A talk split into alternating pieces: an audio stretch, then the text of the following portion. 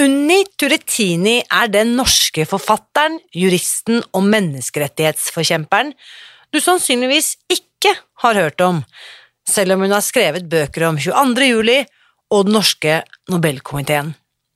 I dag forteller hun hvorfor ensomhet er det viktigste vi må bekjempe.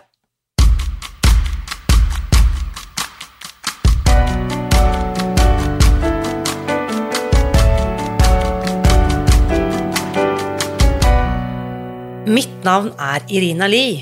Jeg er journalist og forlegger, gründer og sosial entreprenør. I 2015 spiste jeg meg fri fra overvekt og fedme etter å ha slitt med vekt, kropp og følelser i nesten 30 år. Etter at jeg knakk koden, ga jeg meg selv et nytt oppdrag – å dele denne kunnskapen med alle som trenger det. I denne podkasten kan du derfor høre hele lydboken Spis deg fri. Den finner du ved å bla deg tilbake i arkivet og lytte til første sesong. Hver uke inviterer jeg nå gjester som gir deg påfyll til hodet, hjertet og magen. For min visjon er å endre Helse-Norge, og det får jeg ikke til alene. Du bidrar ved å abonnere på podkasten, skrive en omtale i iTunes og tipse meg om hvem jeg burde invitere hit. Da setter vi i gang med ukens episode. Vi nordmenn liker å tenke på Norge som et åpent og fredelig land, der mennesker, ideer og tankegods får sirkulere fritt. Det er liksom vårt image, eller, eller kall det vår merkevare som en fredsbyggende nasjon. Som forlegger og journalist føler jeg også at jeg har sånn rimelig god oversikt over de store samtalene og de viktigste bokutgivelsene de siste årene, særlig de bøkene som kom i kjølvannet av 22. juli. Derfor ble jeg så utrolig overrasket da jeg for et par uker siden traff eh, Unni Turitini, som er født og oppvokst eh, her i Norge. Det viser seg nemlig at denne dama har skrevet en bestselger og holdt foredrag om Anders Behring Breivik i USA, hvor hun også er blitt brukt som ekspertkommentator når eh, amerikanske medier har laget innslag om soloterrorister og skoleskytinger. Ikke nok med det. Hun har også skrevet en eh, bok om den norske Nobelkomiteen, som du ganske sikkert aldri har hørt om. Derfor er jeg nå veldig glad for at du skal få møte Unni i dag. Her er ukens gjest. Kjære Unni, velkommen til podkasten. Tusen takk, Irina. Det er en glede å være her. Helt fantastisk. Og det vi skal snakke om i dag, det er så viktig, det, at uh, hvis noen nå uh, hører dette og holder på med multitasking, så sier jeg bare sett deg ned og lytt til det du skal høre i dag, for dette er viktig, folkens. Først så må vi få en liten intro under til de som ikke kjenner deg, uh, hvis du skal gi en liten bakgrunnspresentasjon. Ja, um, prøve å gjøre det så kort som mulig. Jeg er, jeg er norsk, jeg er født og oppvokst i Norge.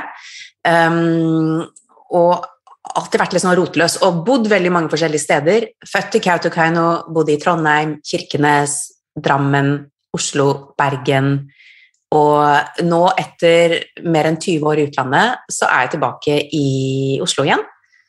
Uh, har bodd her nå i ja, uh, fem år. Så ja. ja.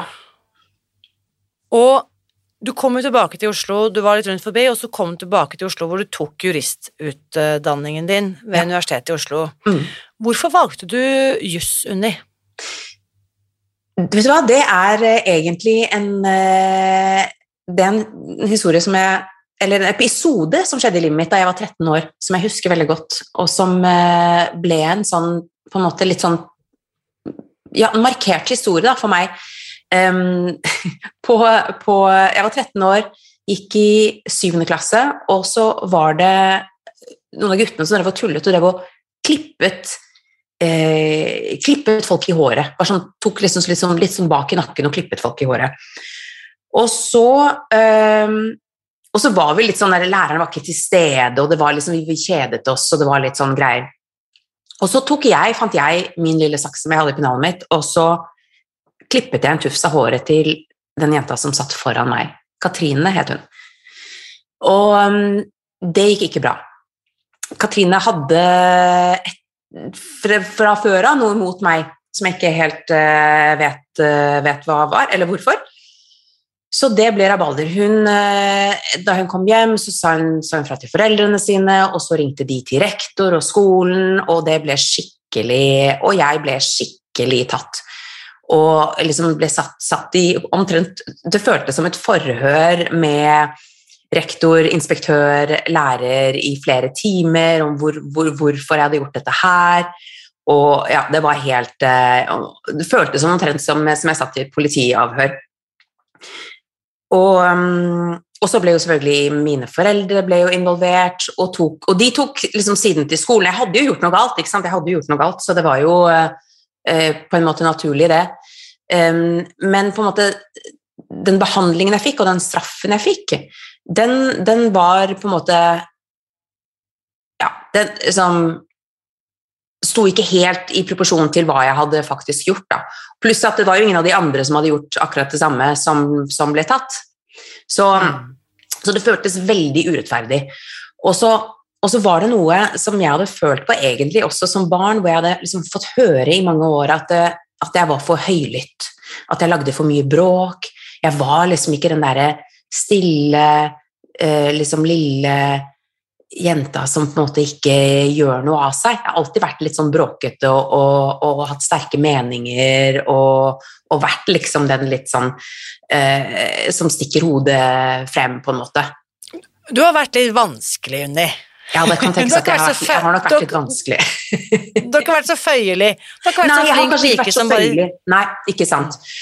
Så, så, den, så den der episoden med hårklippingen, den eh, Da husker jeg at eh, Og det var liksom noen måneder etter det hvor jeg husker at jeg gråt meg i søvn hver, hver kveld.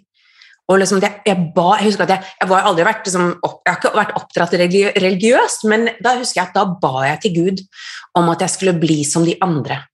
Om at jeg skulle bli usynlig. Den som ikke blir liksom, syndebukken i enhver anledning, som får på en måte kjeft og, og ja. Um, så da, det var liksom et veldig sterkt ønske. Og samtidig så var jeg veldig sint. Jeg var liksom ja, jeg var sint, for jeg følte at det var urettferdig. Og da bestemte jeg meg for at jeg skal studere juss. Jeg skal bli advokat. Så at ingen, så at jeg vet hva mine rettigheter er. Jeg kan snakke for meg selv, jeg kan stå for meg selv. Og, og på en måte bli den derre En person da, som kan ikke bare beskytte meg selv, men også mot all urettferdighet som skjer i verden, liksom. Det var den tanken jeg hadde da. Mm. Og, og, det ble med meg. Så, mm. så, jeg studerte, så, jeg begynte å studere juss. Det var liksom aldri noe tvil om hva jeg skulle.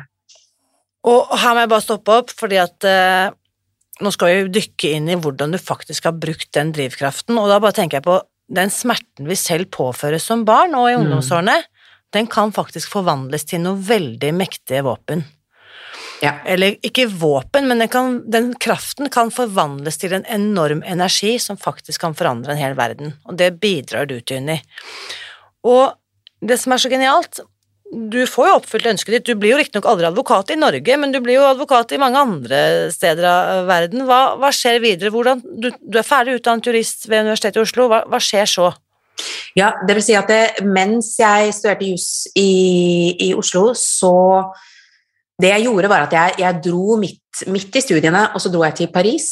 Og så ble jeg sånn utvekslingsstudent der. Og så begynte jeg å studere juss i Frankrike også. Um, og, så dro jeg, og, så, og så dro jeg faktisk da jeg flyttet, da flyttet jeg faktisk fra Norge da. Og kom på en måte aldri Kom ikke tilbake igjen før nå, da. Og så dro jeg bare hjem. Jeg leste, og så kom jeg bare hjem for å ta eksamen. Så jeg var, var egentlig i Paris fra 96 var jeg Ja, så da ble jeg bare i Paris, og så, og så etter hvert så dro jeg til eh, USA, og så tok jeg en master der, og så New York Bar Exam eh, der, da. Så det, så det eneste stedet jeg faktisk er advokat, det er New York. Nettopp. Så du har, eh, og du har bodd i Sveits og jobbet i Paris og jobbet i, ja. i New York, og det er liksom For jeg tenker i min bekjentskapskrets, da. Eh, jeg har også bodd i USA, så der borte har jeg jo mange som er, har sånne historier som du forteller.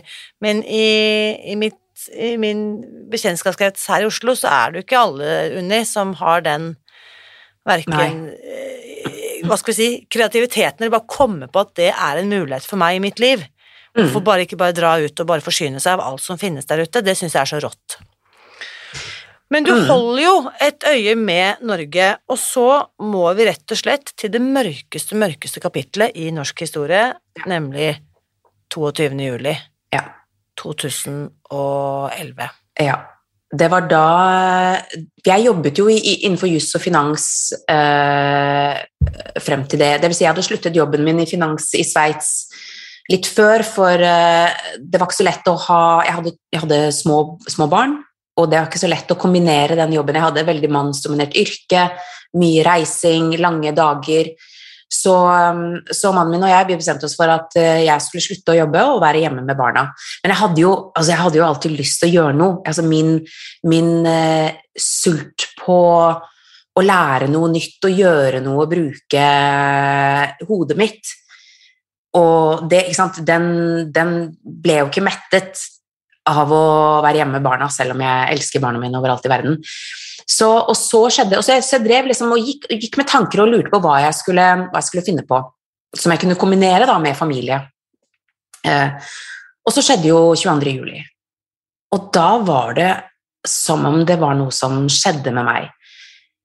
For det første så var det jo en fryktelig sorg. Eh, liksom, altså, vi følte jo alle, altså, og hele verden følte jo dette her, ikke sant. Og det var jo, altså, det var jo som, som eh, 9-11, ikke sant, for oss, og også for, for verden. Og jeg fant ikke de svarene jeg le- lette etter, for jeg ville ha svar. Um, jeg har alltid vært en sånn truth seeker, og, og lett, etter, lett etter sannheten. Og så er jeg litt sånn nerd, så jeg er glad i å gjøre research. Så jeg fant ikke de svarene jeg stilte meg selv, som hvordan kan dette her skje? Hvordan kan en ung mann som kunne ha vært min på en måte lillebror, da, som bodde på en måte i, i oppvokst i, i samme type miljø, um, uh, velutdannede foreldre, intelligent på en måte, så, En som oss, da. Hvordan kan dette her skje? Um, så, så da begynte jeg, og så fant jeg ikke de Jeg fulgte jo rettssaken, jeg leste alt jeg fant om, eh, om her saken. bare spør, for, for på Ja. dette tidspunktet så bor du i Sveits Ja. når 9, altså Ja, nå ikke bor jeg i 9-11, unnskyld, Mm. 22, ikke 22. juli 2011, da bor du i Sveits. Uh, husker du hvor du var den dagen? Kan du liksom huske Mm. når du, når du, hvor du, hvor du oppholdt deg, når du, oppholdt deg når, denne, når du fikk denne nyheten? Ja, jeg satt faktisk i bilen. Det var jo en, eh, en fredag ettermiddag, så jeg satt i bilen med barna mine eh, fastspent i, i, eh, i barnesetene i bak. Og så kjørte jeg opp til, til hytta vår på, på fjellet da, i, i Sveits. Og så skulle mannen min ta toget opp etter jobb senere. Og så ringer telefonen min, og så er det en venninne av meg i Sveits da, som, som har hørt på nyhetene og sier hun, du må, du må skru på radioen. Skru på radioen. Og så, og så hører jeg at det er en bombe som har eksplodert i Oslo, og det, at det kan virke som terror. Og, og da, vi, vi visste jo ikke noe mer enn det? Vi visste ikke noe mer enn det, men det, og da husker jeg at da, så, liksom, så fort jeg kom frem da, eh, så, så, sk- så skrudde jeg på CNN, for det var jo det vi hadde? Jeg fikk jo ikke tak i noen norske, norske nyheter der.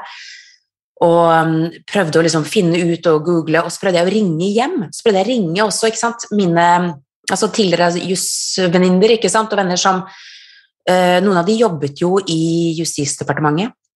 Så de var jo i bygget, ikke sant, som eh, Eller ja, i nærheten i hvert fall, som eksploderte.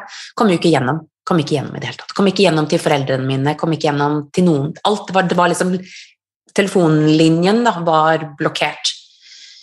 Uh, så, så jeg måtte liksom bare uh, Og da satt jeg jo foran den skjermen i liksom et par døgn, føler jeg. At jeg liksom jeg klarte ikke å sove. Det var liksom, uh, liksom bare Ja, det ble et sånn sjokk, da. Mm. Så ehm, Så eh, så, så ja, så jeg husker det, husker jo det altså Det er jo akkurat sånn om jeg husker 9-11. Jeg vet jo akkurat altså det, var liksom, det er så tydelig. Det er jo brent inn i, inn i minnet vårt, ikke sant, hvor vi var den dagen. Og så, duk, og så dukker da disse spørsmålene opp. Mm. Hvordan kan dette skje Ja. i gode, gamle, trygge Norge, Mm. i lille Oslo? Mm. Hvordan kan en, en, en mann begå disse ugjerningene? Det er de spørsmålene som begynner å kverne. Ja. Og så forteller du at du følger rettssaken. Reiser du faktisk til Oslo for å være med, eller følger du det fra Sveits, Jeg jeg fulgte det fra Sveits. Uh, så jeg fulgte det fra Sveits. Og så, og så begynte jeg i tillegg og så begynte jeg bare å lese, i tillegg til alle nyheter og alle aviser og alt som jeg leste, så begynte jeg å, å gjøre, gjøre research. Eh, jeg begynte å studere lignende massemordere rundt om i verden. Og jeg har jo, sant, jeg, har jo bodd lenge i, i Frankrike også, så jeg snakker fransk og leser fransk. Så, og det, jo, det med, det med liksom, ensomme ulver, terror, det er jo noe som, som eh, både Frankrike og USA har hatt en del av. Så, og spesielt i USA, da. Så, um, og de, måte, de ekspertene Det som jeg fant, er bare at de ekspertene, psykologene og ekspertene som virkelig sitter på informasjon om dette her, de er jo i USA. Det er FBI Mm. og også delvis eh, CIA. Så jeg kontakter da disse. Og jeg, egentlig, jeg bare liksom kontakter masse, masse mennesker. Jeg. jeg gjør research, så kontakter jeg masse mennesker. Og, og det som er så utrolig, Irina, er at når man, når, man, når man spør, så er det utrolig hva man får av positive svar. Hvis man bare tør å spørre. Og har liksom et eh, Ja, eh, at det er en At de føler at det er en, en, en grunn som er verdig, da. Og for meg var det det å finne ut av hva er kjennetegnene, ikke sant. Hva er det som, Mm. hva er det som skjer, og hvordan kan vi forhindre at dette her skjer igjen. Det var liksom målet mitt. Så etter noen år, flere år med Mm. research og dypdykk og uendelig mange intervjuer og lesing av rapporter og dokumenter og forskning og alt, så skriver du boken Mm. The Mystery of the Lone Wolf Killer. Anders Berry eh, Unnskyld, nå eh, dukket det selvfølgelig opp en, pod- eh, en pop-up på skjermen min her. Ja. Eh, Undertittelen er altså Anders Behring Breivik and the Jeg klarer ikke å se det, for nå forsvant hele skjermen. And the threat of terror in plain sight. And, Anders Behring Breivik and the Threat of Terror in Plain Sight. Denne Ja. kommer ut i 2016. stemmer 2015, slutten av 2015. Slutten av 2015. Ja. Den eh, er tilgjengelig all over, Mm. bortsett fra at jeg aldri har hørt om den boken i Norge. Mm. Nei. Og det tror jeg, det, det tror jeg er liksom forskjellige grunner til det. Jeg har jo jeg skriver, mitt, altså mitt arbeidsspråk er jo engelsk, for det er det jeg har brukt ikke sant, i, i, i min voksen, voksen alder. Så, um, så jeg skriver mye bedre på engelsk enn jeg gjør på norsk.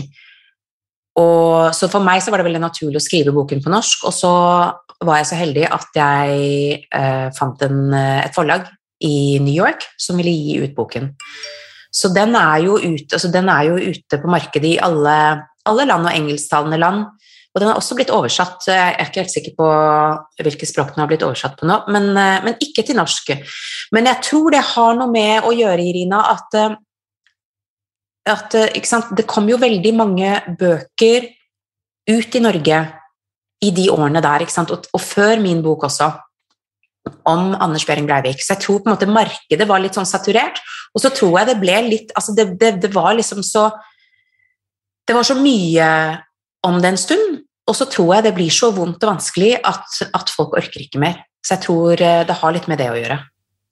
Men jeg, jeg syns det er så fascinerende, for jeg var langt inne i eh, ABB-bobla, Mm. for å kalle det det. Jeg også stilte meg mange av de samme spørsmålene. Jeg leste både eh, beretningen om moren hans, Mm. mye kan sies om den boken. Ja. Jeg leste Åsne Seierstad sin bok, mye kan sies om den boken òg, og jeg leste ikke minst Åge Borchgrevink sin bok, Ja. som også Ikke sant? Eh, Mm. Mye man kan ha sagt om den.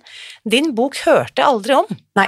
Og jeg syns det er så fascinerende at en norsk jurist og forfatter som skriver om vårt, vår tids største traume, ikke blir nevnt. Og det kan godt hende at det har vært medieomtale, jeg skal ikke si nå at mediene ikke har omtalt boken din, men jeg bare jeg stusser. Fordi hva Ja. er det du finner ut av i denne boken?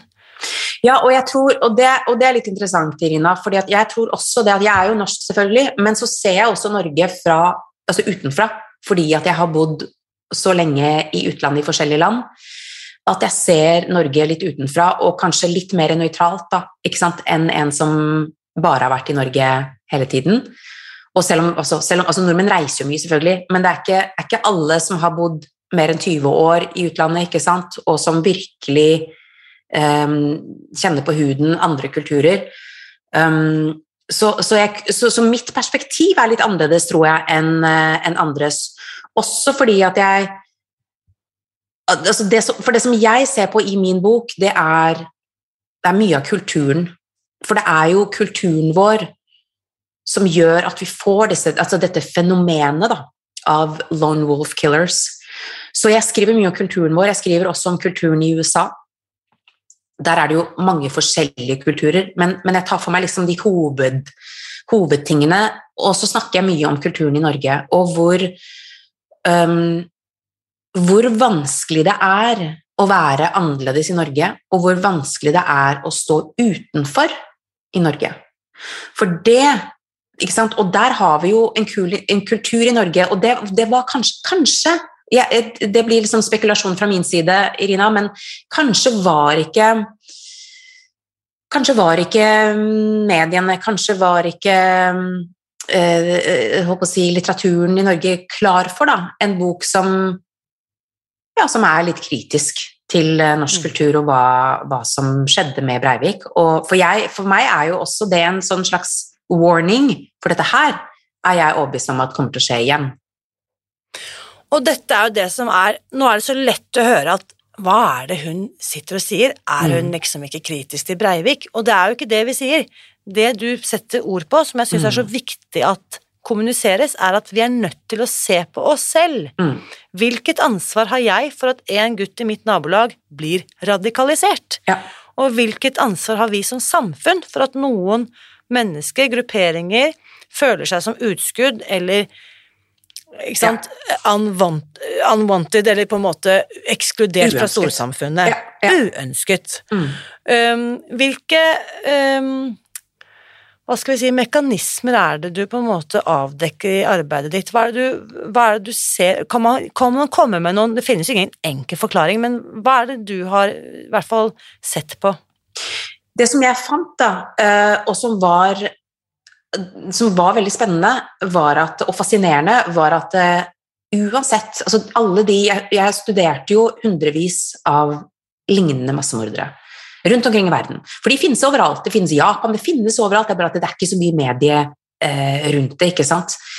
Um, men i, i, USA er det jo fryktelig mye medie, medie rundt det, så der har det jo, så, og, og, der er det jo også mye av det. Mye eh, sånne massedrap. Masse Um, og det handler ikke om Det som er interessant, er at det handler ikke om tilgang til våpen. Det er veldig interessant. For jeg trodde jo det, at eh, ja, ja, men der driver de og skyter hverandre hele tiden uansett, liksom. Nei, det er, ikke det, det er ikke det de snakker om her. Her snakker vi om år etter år med å føle at du, ikke, du aldri blir hørt, sett eller eh, verdsatt ikke sant, i samfunnet. Og i tillegg, altså, men, det, men, det, er jo veldig, altså, det vet vi jo i dag, det er veldig mange som føler på dette her. Ensomheten er jo en, en pandemi i seg selv ikke sant, i verden, og faktisk den, den eh, epidemien som, eh, som, vokser fortest. To tredjedeler av alle voksne amerikanere akkurat nå sliter med ensomhet. To tredjedeler. Det er mm. mange. Det er mange mennesker. Og særlig de unge Særlig de som er over 18. Sliter veldig. Og det finnes det dessverre ingen mulighet til å utvikle en vaksine mot, Nei. det du beskriver her. Nei, der har vi ikke noen vaksine. Hva slags konsekvenser, hva slags eh, hva heter det, symptomer, hva slags skader pådrar mennesker seg som utvikler mennesker seg, da, som uh, utvikler mennesker som sliter med ensomhet? Hva, hva, er det vi snakker om da? Hva er det det kan føre til? For, for det første, altså, jo, altså, det er jo direkte, det er direkte helseskadelig eh, på den fysiske helsen vår. Eh, det er masse, masse studier nå som er eh, anerkjente, som viser at ensomhet reduserer immunforsvaret vårt. Vi får sånn inflasjoner i kroppen, fordi du, når, når, du går rundt og er Det blir en sånn konstant stress i kroppen, det å føle seg ensom. For det som skjer, er at, det, er at eh, når hjernen vår oppfatter at vi ikke har den tryggheten av, eh, av et samfunn av mennesker, en gruppe rundt oss som kan beskytte oss, så vi kan føle oss at vi er en del av og bli beskyttet av, så tror kroppen akkurat, Det som skjer i hjernen, er akkurat det samme som om du skal løpe fra en tiger. Ikke sant? Mm.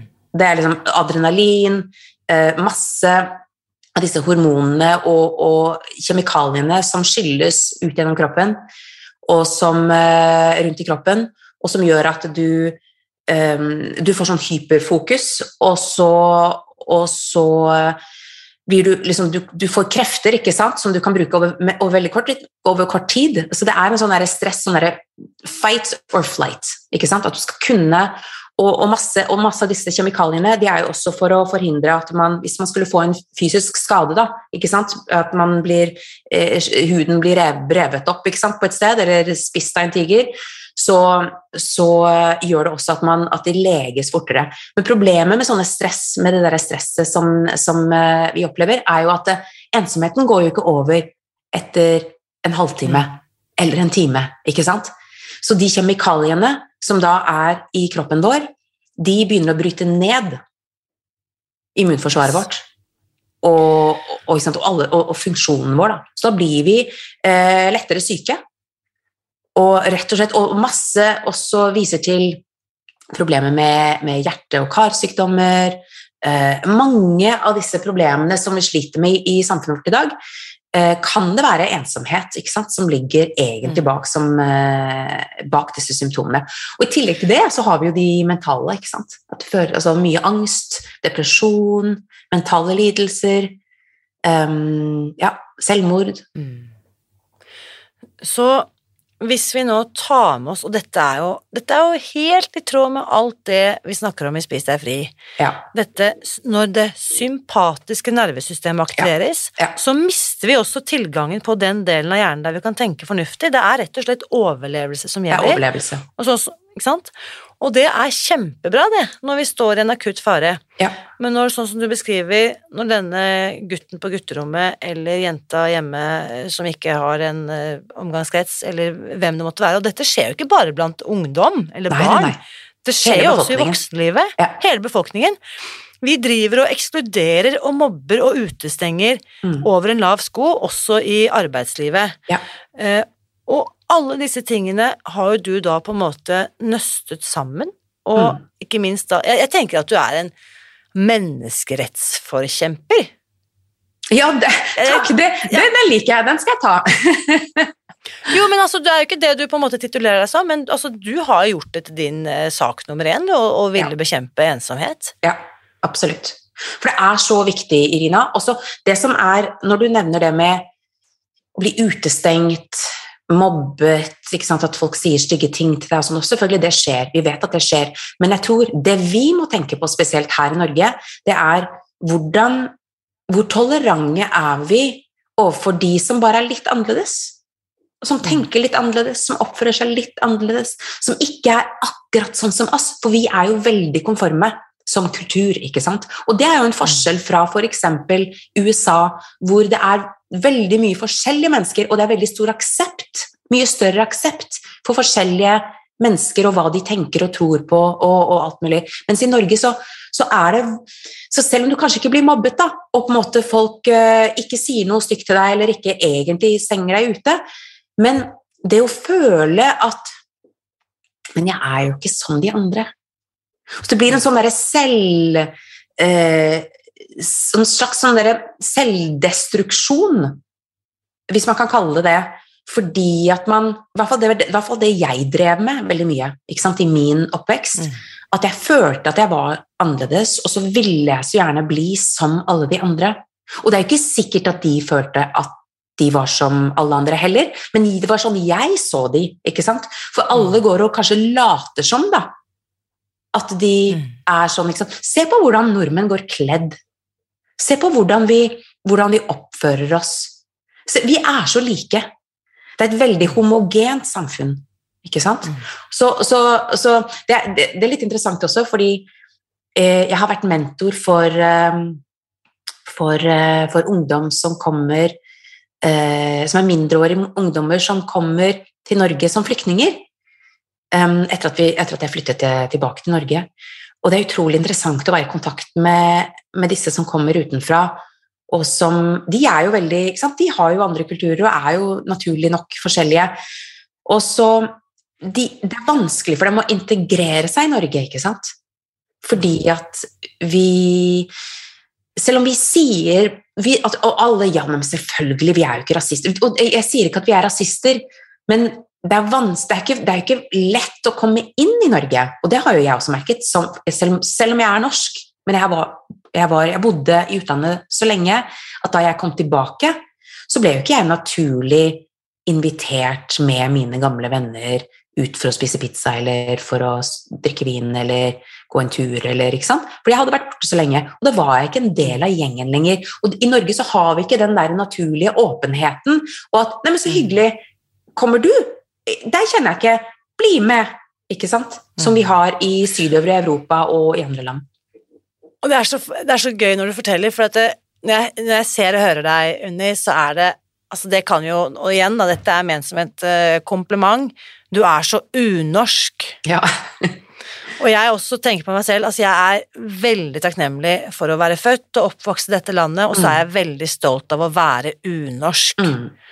Fordi den konformiteten som du beskriver, og det meningsløse mangelen på mangfold, vi ser det i alle lag av eh, Og nå vet jeg at det sikkert noen eh, kommer til å bli dødsirritert når jeg nå sier det bare Vi har holdt på med mangfoldsledelse i mange år, du har ikke fulgt med timene dine. Jo, jeg har fulgt med i timen.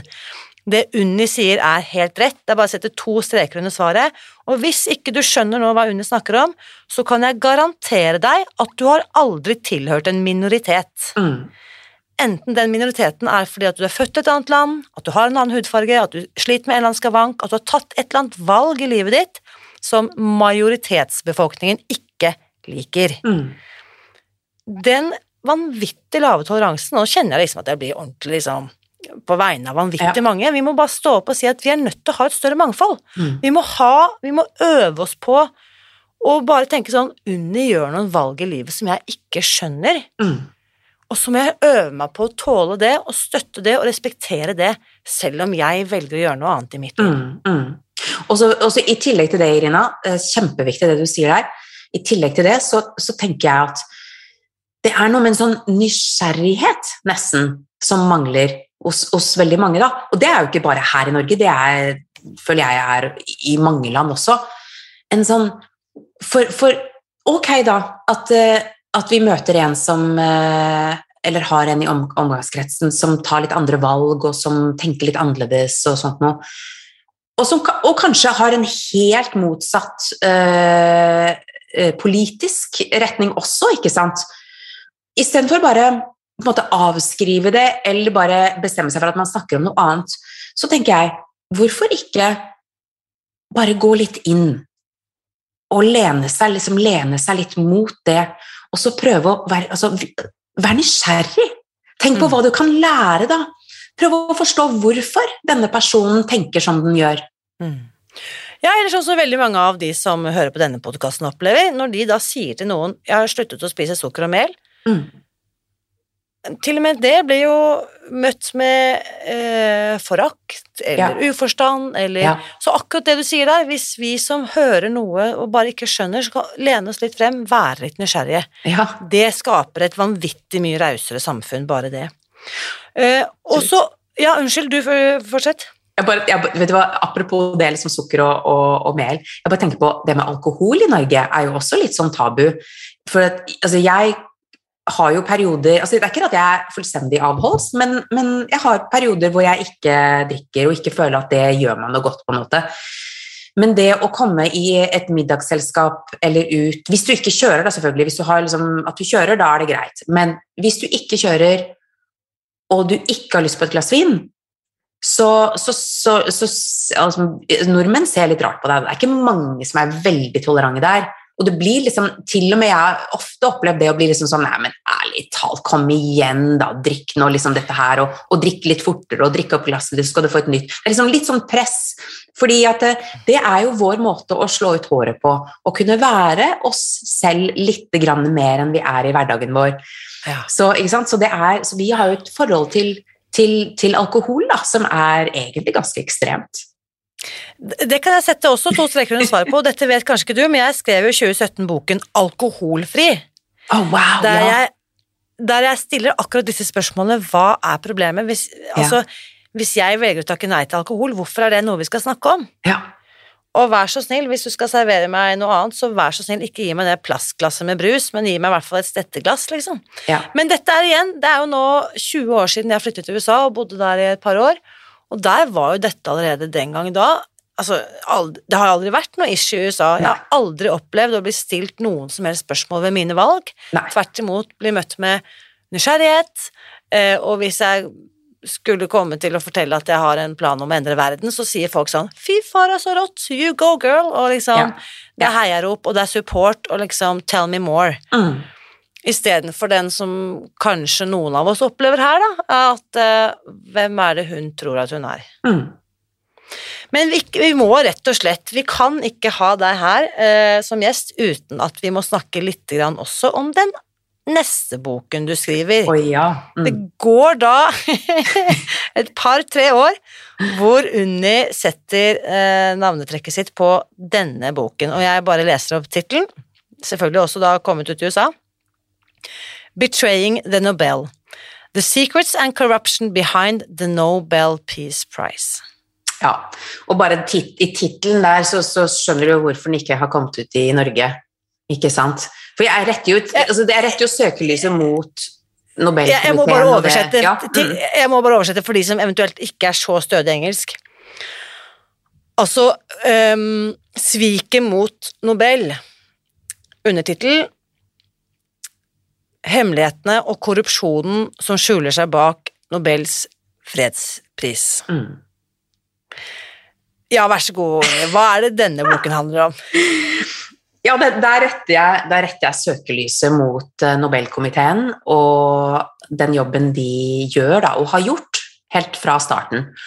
Og det jeg gjorde der, var at jeg gikk, eh, jeg gikk tilbake i historien og leste meg opp om Alfred Nobel og hva han ville, hva var intensjonen hans med, med fredsprisen, og hva har prisen faktisk blitt til.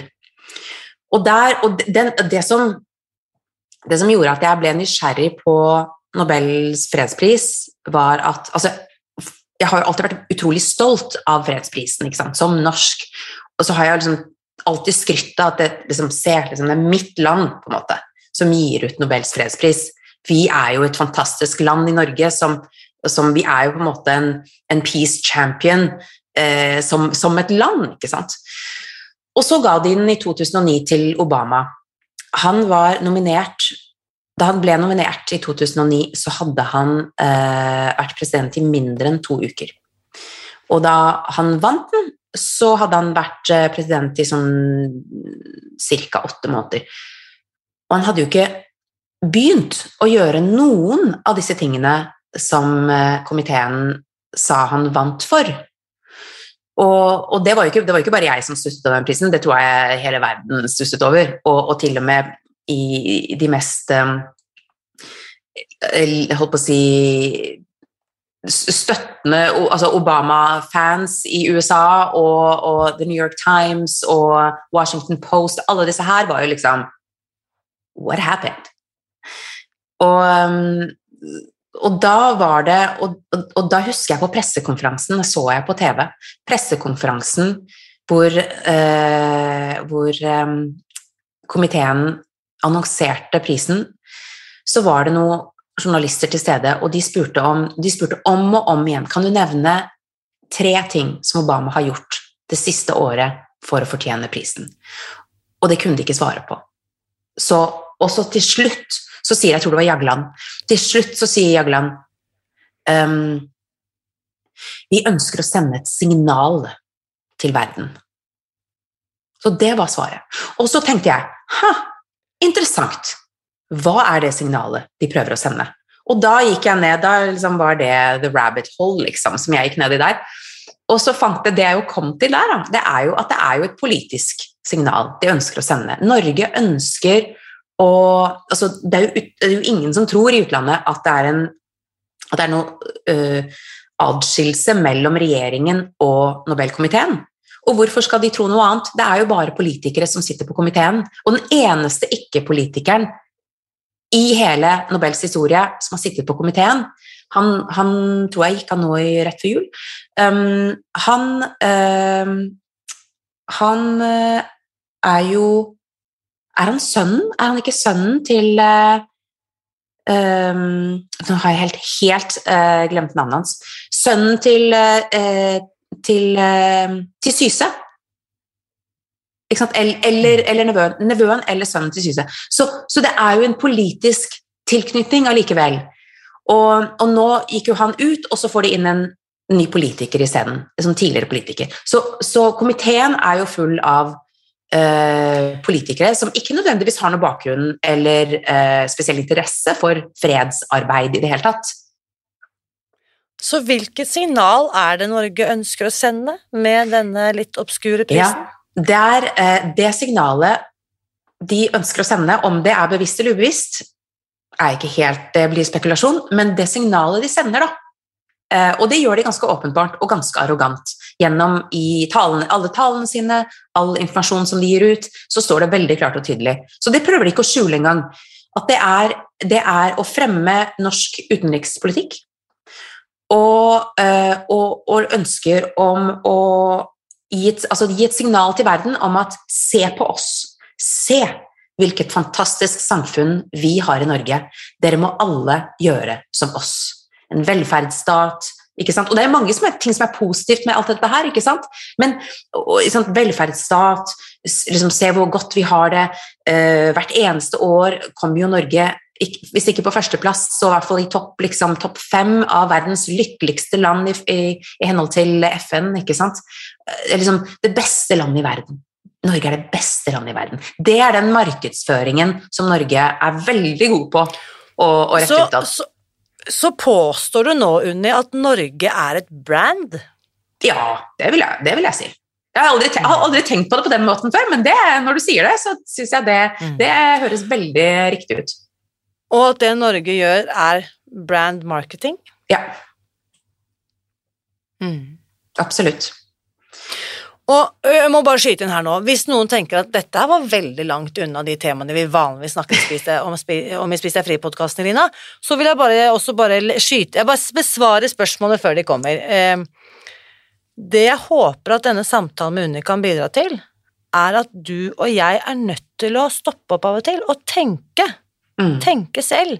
Mm. Vi må tenke gjennom den messagingen vi mm. utsettes for, enten avsenderen er sukkerindustrien, næringsmiddelindustrien, matvareindustrien, alkoholindustrien, legemiddelindustrien eller faktisk våre egne lands myndigheter. Ja.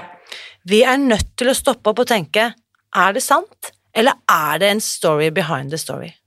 Ja, og det er så viktig det du sier. Og jeg tror også vi, hver og en av oss som medborgere, vi har jo et ansvar.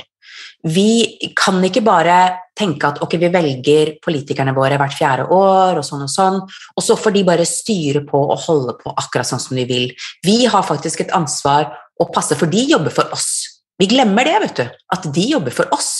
Det er våre skattepenger, det er, det, er, det er, vi som er velgerne, det er vi som sitter på makten. Det er ikke de som sitter med makten. Så vi må passe på, og, og der har også mediene en kjempeviktig rolle, som jeg føler at de har sviktet nå i det siste. Men det er, det er en det, er, eh, det kan vi komme tilbake til, men det er på en måte en sånn Det må være en sånn checks and balances of power, ikke sant, som jeg ikke helt uh, ja, altså, altså, må, Den makten må vi må passe på vi må passe på hva de gjør, hva de holder på med.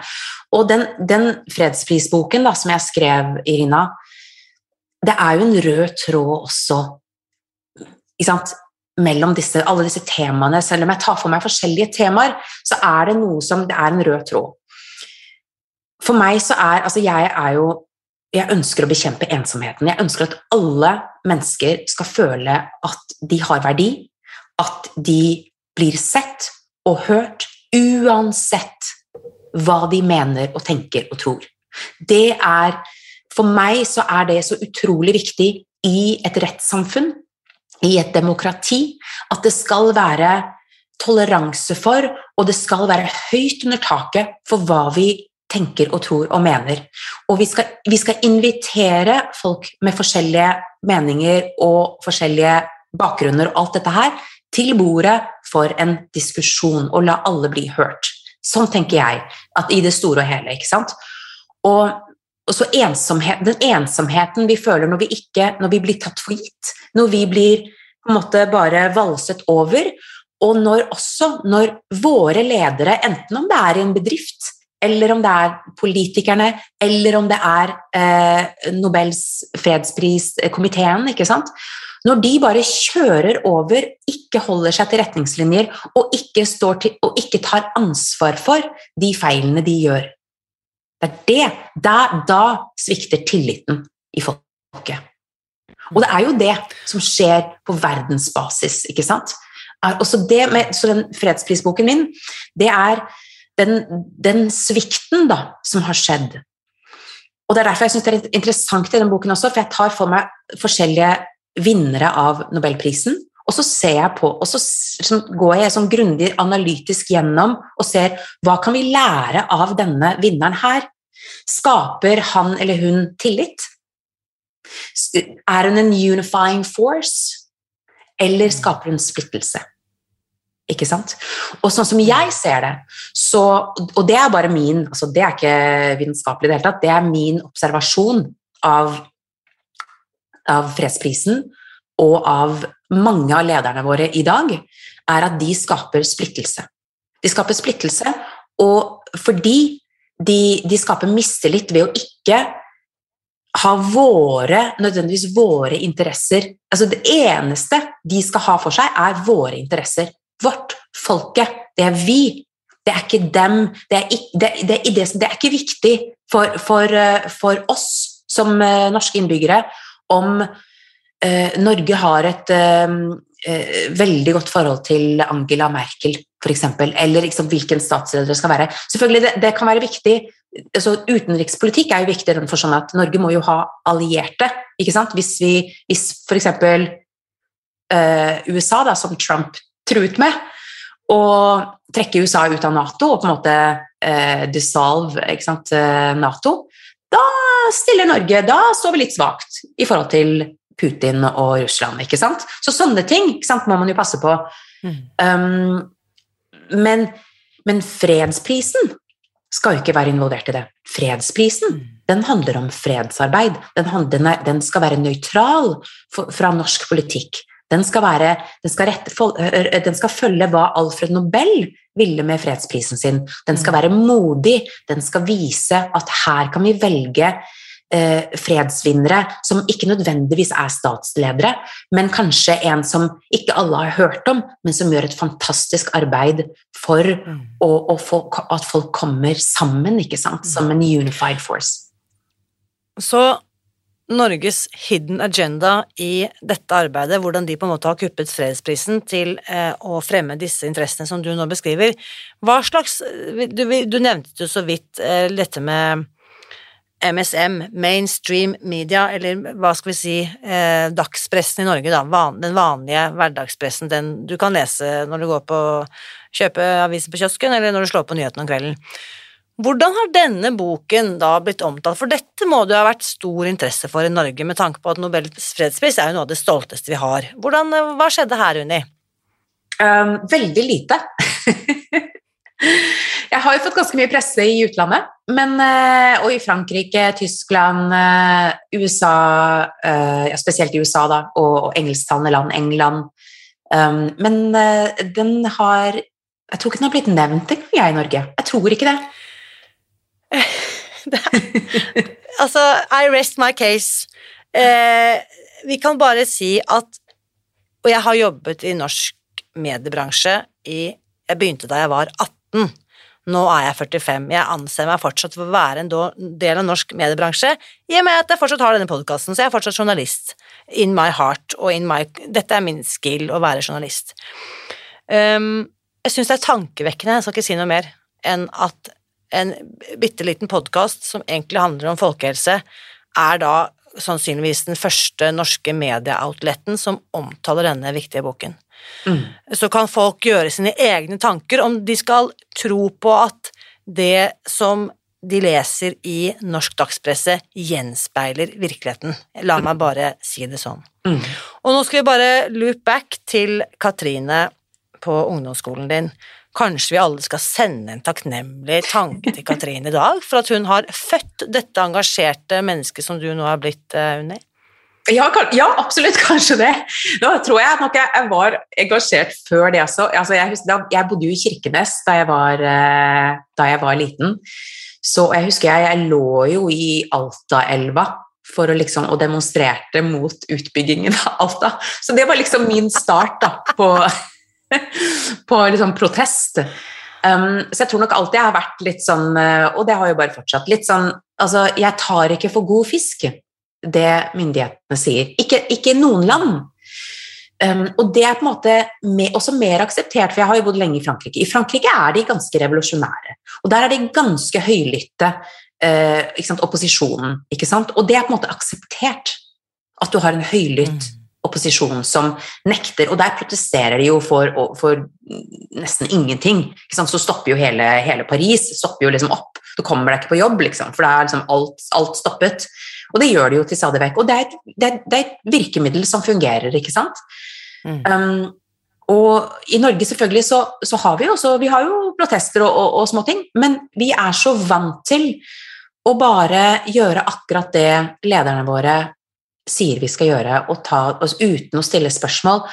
Og det, det er en eh, det er en eh, farlig utvikling og i hvert fall også når mediene har, altså, Jeg leser jo norske, norske, medier, og når jeg ser på en måte at, at det er, i hvert fall i den pandemien vi er i nå, hvor eh, For meg i hvert fall så er det ganske tydelig at det er ikke alle stemmene som av eksperter Nå snakker jeg ikke om, om folk som meg, for jeg har ingen kompetanse når det gjelder eh, medisin eller vaksiner eller noe som helst sånt noe. Så, så meg skal man ikke høre på. Men det som er viktig for meg som en menneskerettighetsforkjemper, da, så er det at for at de beste avgjørelsene skal bli tatt på vegne av folket, så må faktisk eksperter på alle forskjellige hold bli hørt og bli tatt i betraktning. Og mm. det føler jeg mangler. Og, og kan, man kan jo si at ok, det har skjedd verden over. Ja, men i Norge så er det norske myndigheters oppgave og ta vare på oss, vi som bor her. Ikke sant? Og jeg vil også bare knytte igjen sekken i forhold til det du sa, det individuelle ansvaret vi har, mm. og også i forhold til at vi alle kjenner en Anders Behring Breivik, ja, en ja. potensiell Anders ja. Behring Breivik. Hva tenker du der, Unni, for de som ja, Bare la meg skyte inn. I, i Spis deg fri så snakker vi om at addiction is a disease of isolation. Ja. Avhengighet forutsetter ensomhet eller isolasjon. Ja. Og jeg kan bare fortelle deg historiene til tusenvis av mennesker mm. som har fortalt meg mm. hvordan de, akkurat sånn som du beskrev innledningsvis, jeg fikk helt sånn gåsehud når du fortalte, at jeg føler meg annerledes, jeg føler meg ekskludert, jeg føler mm. meg utelatt, og jeg finner trøsten eksempel i mat. Mm. Det er én form for å ta ut den sorgen på. Ja. Eh, hvilket ansvar har du og jeg som medborgere, som medmennesker, i forhold til de menneskene vi kanskje har en magefølelse på at er ensomme eller isolert. Mm. Vet du hva, det er noe som, som eh, Det la jeg faktisk ut på, på Instagram eh, for, eh, over et par dager nå. Noe som, som jeg har lært i USA. Det kaller de for HOPE. Og det, da, det står for Help one person every day. Så tenk på én, og det er liksom noe som jeg lever for. For når vi, når, vi, når vi, sitter og er Og det er jeg den første jeg har, altså jeg har slitt med ensomhet det meste av mitt liv. Fra jeg var barn og til langt inn i Ja, og nå blir jeg jo 50 år, liksom. Altså, jeg kan jo fremdeles føle på ensomhet, ikke sant. Og, og, det, ikke sant? og det, når vi er ensomme, det som skjer, er jo at eller uansett hvilken sånn addiction, uansett hva vi gjør, da Men når vi, når vi, ikke føler oss bra, så er jo Vi får ikke lyst til å plukke opp telefonen og ringe til noen ikke sant? Og, og gjøre noe. Men, det, men den beste medisinen som jeg har funnet mot ensomhet og mot når jeg føler meg liksom som mest deprimert, det er faktisk å, å prøve å finne Ok, hvem er det som trenger faktisk min stemme i dag, eller bare at jeg ringer og spør hvordan det går, og lytter. Vi, prøve, vi, kan ikke løse folks problemer for dem, men vi kan være der, vi kan lytte, vi kan vise dem at mm. vet du hva, du er faktisk ikke alene. Fordi jeg kan relatere, jeg, jeg kan kjenne meg igjen i den smerten du går igjennom. Mm. Så tenk på én person du kan, du kan Og det, det betyr ikke at du nødvendigvis vet engang at de går igjennom det vanskelig. For som regel så går vi gjennom vanskelige ting, og så sier vi ingenting om det. Så, og så går vi bare rundt og smiler og ser sånn superperfekte ut, og så alle postene våre på Instagram ser superfreshe ut, og vi ser bare Alle ser så freshe ut, liksom. Men bak det så ligger det veldig mye hos alle mennesker, og spesielt nå med den pandemien, isolasjonen som vi går igjennom, angst, depresjon Mange sliter med det. Så jeg tenker mm. Gå gjennom listen din av mennesker du kjenner, og så ringer du til én om dagen, eller sender en melding og spør 'Hei, jeg ville bare høre med deg. Hvordan har du det?' Mm. Hvordan kan jeg støtte deg? Så utrolig enkelt, og noe som er helt gratis, og noe vi mm. alle sammen søren meg kan klare å få til i dag. Jeg bare gjentar det du sa her, eh, Unni. Hope. Mm. Help one person every day. Hjelp ett menneske hver dag. Um, Unni, du har jeg også invitert deg inn i denne um, podkastgruppen vår på Facebook som heter Spis deg fri. Og Det betyr jo at hvis noen har spørsmål, kommentarer eh, eller tilbakemeldinger på det de har hørt eh, i dag, så kan de skrive der i, i, den, eh, i kommentarfeltet på Facebook-gruppen vår. Kjempebra. Så bra. Og, jeg, og nå er jeg kommet med i gruppen, jeg også, så jeg vil gjerne ha kommentarer og Fantastisk. Ja, og du nevnte, det må vi huske på, du nevnte rett før vi begynte at du hadde sånt ressursark, eller ja, en type det har jeg. Uh, uh, fortell, hva er det for noe? Vet du hva, det, det, det, Den er på engelsk. Det er en uh, veldig lettleselig, en slags guide, på en måte. Et sånt ressurs, ressursark, ja, som du sier, om, og, om tre ting som, som, som jeg føler er veldig nyttig for å komme seg ut av ensomheten, for å komme seg ut av den emosjonelle, mentale isolasjonen, ikke sant. Fantastisk. Som vi er i. Superverdifullt. Altså Unis eh, ultraenkle, lett tilgjengelige, helt gratis guide for deg som nå kjenner at du faktisk eh, kunne trenge litt hjelp. Ja. Tre enkle steg ut av ensomheten. Den finner du også da etter hvert inne i kommentarfeltet på Facebook. Ja, den skal jeg legge ut. Ja. Mm. Tusen, tusen takk for at du er den du er. Hjertelig takk. Takk, Irina. En glede å være her. Tusen takk. Nå lurer jeg på, hva tenker du etter å ha hørt min samtale med Unni i dag? Bli med inn i den åpne Facebook-gruppen Spis deg fri, hvor du også kan se hele opptaket av min eh, samtale med Unni. Og Unni er jo også med i denne Facebook-gruppen, så hvis du har spørsmål eller ønsker å vite mer om det viktige arbeidet som eh, Unni gjør, så rop ut eller tagg henne i eh, kommentarfeltet. Og denne uken så har vi også snakket om hvordan vi kan eh, vurdere vårt eget land som en merkevare, og vi har snakket litt om hva Norge har gjort for å bygge sitt image eller brand på verdensbasis.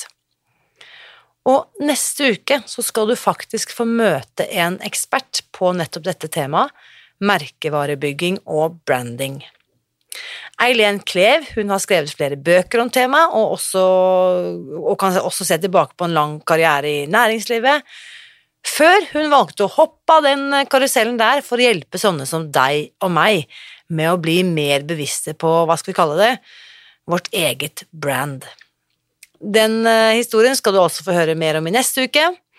Nå derimot så vil jeg bare minne om å, om å bli med inn i Facebook-gruppen Spis deg fri, så vi kan fortsette den spennende samtalen med Unni etter ukens episode. Husk også, Uansett hva du velger å fylle hodet ditt med, eller hvilke bøker du velger å lese, så vit at jeg heier på deg. Alltid.